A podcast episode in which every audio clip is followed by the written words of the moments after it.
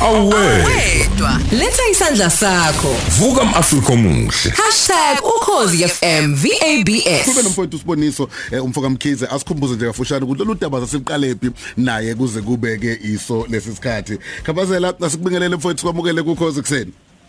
Yebo ngiyabingelela abasazi bonke nabalaleli abaphathi bokhozi. Mfowethu masikhumbuze lapho kumuntu owayengalalele ngalelelanga wacela ivuka Africa Breakfast Show eh njenge show yakho oyikhonzile nomsakazo wakho owuthandayo ukuthi bakulekelele. Yini le ubucela ukulekelelwa ngayo konje? Oh ngicele baba ukulekelelwa ngomgaqo ne nesihlali wheelchair i-electric wheelchair ne bathroom engangikhale ngakho ukuthi bengicela bangilekelele ngakho. Mm. Ngo yini ubusebenzisani kuzonke lezi zinye insuku bekhambeka ngani kodwa? Eh, Imigaqo bengahambeki ngize ngiqokulwe kuba begcwele udaka naye wheelchair ngiyadinga ingisebenze iyadinga isebenzisa indingekho right ngidinga ukuthi ngize ngithole umuntu ngingakwazi ukuyela mina endlini encane ngingakwazi ukuyela mina noma ngabe yini ngifuna ukuyizenzela yona Hey madoda ukhozi lwakuzwa sakhuluma nawe emsakazweni. yebo sakhuluma. Ukhozi eh ukhozi labathola abantu baphambisa izandla saqhubeka salinda ayi kodwa umgaqo ke ngathi uhambe kahle. Umgaqo usulungile siyahambeka siyengeleka udakasekho impilo isengcono kakhulu isimo esingcono kakhulu. Mm.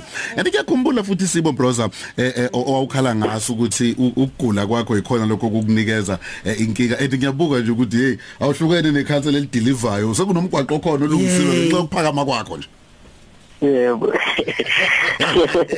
Yo. Kulungile mfethu sobukela eh omunye ke wabantu abathe bakuzwa banyakaza eh, udadewethu uhlengiwe mgwabe uyiCEO yasemaqaqa lifestyle. Mamngwaba sikubingelele sikwamukele kukhoze kuseni. Sanibona sanibona ngiyabingelela okhozini ngiphinde ngibingelele nabalaleli bokhozi. Ah imbokodo madoda. Ah u- a- a- amangwabe onke nje siyakhuleka kuona sithi awubakithi siyabonga kakhulu. Eh ngiyazi ukuthi nathi nje ningumndeni eh wakangwabe nilibona lolu daba nathi cha eh niluzwa njalo lolu daba nathi cha niyasukuma ngempela. Eh nithi nani eh, kubalekile njengoba utata Madiba enza naye njengoba sihleze sithi #67 minutes uyayibo into enjalo. Eh mhlawumbe eh siyafisa nje ukuthi uxoxele umlaleli ukuthi ke nathi mase nihlangana njengomndeni eh ngaphansi kwe business imaqaqa exclusive lounge eh nesa lolu daba nina nilibheka kanjani? Ey wesisimroza nabalaleli kwaba like kwaba udaba oluthinta kakhulu ngoba kubalekile kuthina siwumndeni. Siyisizwe futhi eh ukuthi silekelelane. Makhona odingayo umlekeleleni. Makhona odinga usizo.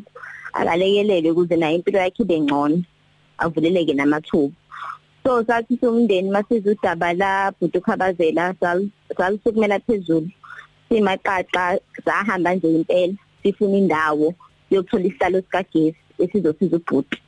Saze sasizakala esi-mobility basilekelela kakhulu sasithola isihlalo sikagesi sabhuti ngoba lesa kade naso sasingamnikezi lento ayidingayo. So yebo Hey njengoba ukhuluma ngesihlalo sikagesi azibizi azibizi azibizi. Kodwa nathi nje noma ngabe kuthiwani eh nizo nizoqikelela ukuthi uthola isihlalo lesi esidingwa udokotela ngokwempilo yakhe ngoba kwatholakala ukuthi aku- akuzona noma isiphi isihlalo kufanele asisebenzise. Yebo asisona impela ngoba into eyenzeka wahamba wayokala lapha esi-mobility body sasithola isihlalo esimfanele esasibiza imali engango 37000 kodwa ke umobility wasilekelela kakhulu ukuthi naye wathi "Ay- ake nginehlisele kancane ngoba le cause eniyenzayo inhle kakhulu niyo niyolekelela niyopha. So sigcine sesikhokha imali engango 30000 for isihlalo sonke. Of which namhlanje isihlalo sikhona sisemaqaqa sewukuthi nje ubhuti simnikeze ngoba phela notata Mandela kuningi akwenza. Ngo-57 minutes lo ehlezi kukhulunywa ngawo. Nathi siyabantu kumele silibambe iqhaza siphe umphakathi sibuyisele emphakathini. So thina simaqaqa namhlanje sithi ngalo 67 minutes. Mm. Sinikeza ubhuti ukhabazela isihlalo sakhe impilo yakhe wow. Wow. yo yo. Siyabonga. amen. Ah siyabonga. Hashtag ukhozi liyanakekela. Hashtag #67 minutes. Yo akulahlambeleke ngakufela. Ngenyanga yamadoda. Hey, Okwehlula ama- inyanga kaMadiba. Mfowethu ukuyi- u- ukuyibongela eh namhlanje usuku olukhulu eh, nge- nami mangiphuma lapha nje eh, ngikhathi sezithi kube sengikhona lapha emaqaqa sizobona ngempela lo msebenzi omuhle kangaka eh, ukhozi FM nemaqaqa lifestyle aba abakwenzile. Kuthini mfowethu kuwe?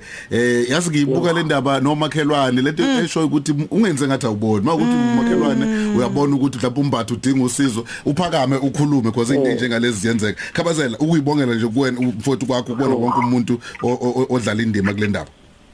yo baba yazi sengivele nga nga- nga- ngaphelwa amazwi yazi mithiwa ekuphele ukuphele nje amazwi umuntu speechless eh ngendlela eh ukuba umaqaqa abasengenzele ngakhona into enhle ngakhona because impilo yami ibinzima kakhulu noma i-disability yami ibithi angikwazi ukuzipusha noma ukuzenzela mina ngokwami konke kodwa laba abaqhama khona abangilekelela khona njenge-esho khona kulo 57 minutes.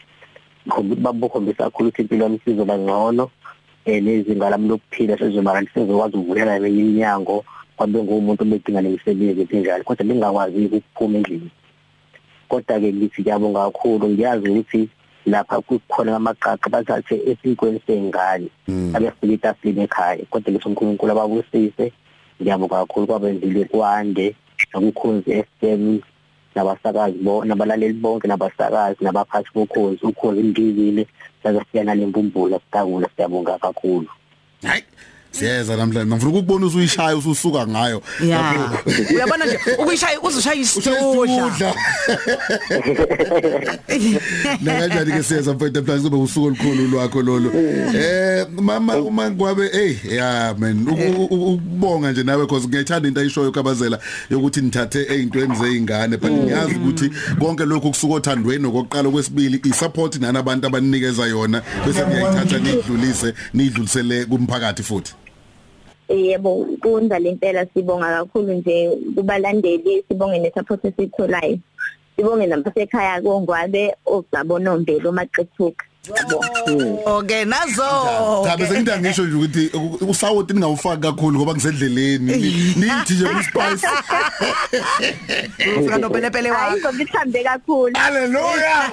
Yezwa sengicelile ngesitaya Yeah. Siyabonga kakhulu. Kabazela sizokubona manje mama ngabe sonibona manje nje maduze lapha emaqaqa lifestyle senze lo mcimbi ube ngonempumelelo kakhulu. Siyabonga. Siyabonga Ngiyabonga kakhulu. kakhulu bulo Hey brother Yabo Yo. yeah Indaba ezinhle. makuthiwa umkhozi kuyanakekela kusokushiwe lento Yeah. eh yabona ama wheelchair ngiyawazi wona bengingayitshela ukuthi kanti le sokuzohambisana no- no- nezigulo zomuntu ingabiza iziyofika cishe ku 40000 wamarandi Uyabuka nje sisibonge nayo le company Hey. ethi hawu kanti nizothenga nje nithengela ukuthi niyanikela hayi nami ke Right, njenge discount, njenge business nami sengithi ke cha hayi nami ngiyafaka esandla uyabona ukuthi uma singa- singabambala nje Yes. njengama Africa Yes. kuningi singakwenza sindawonye Le yivuka Africa Breakfast Show. ukhozi FM Hamba phambili. phambili.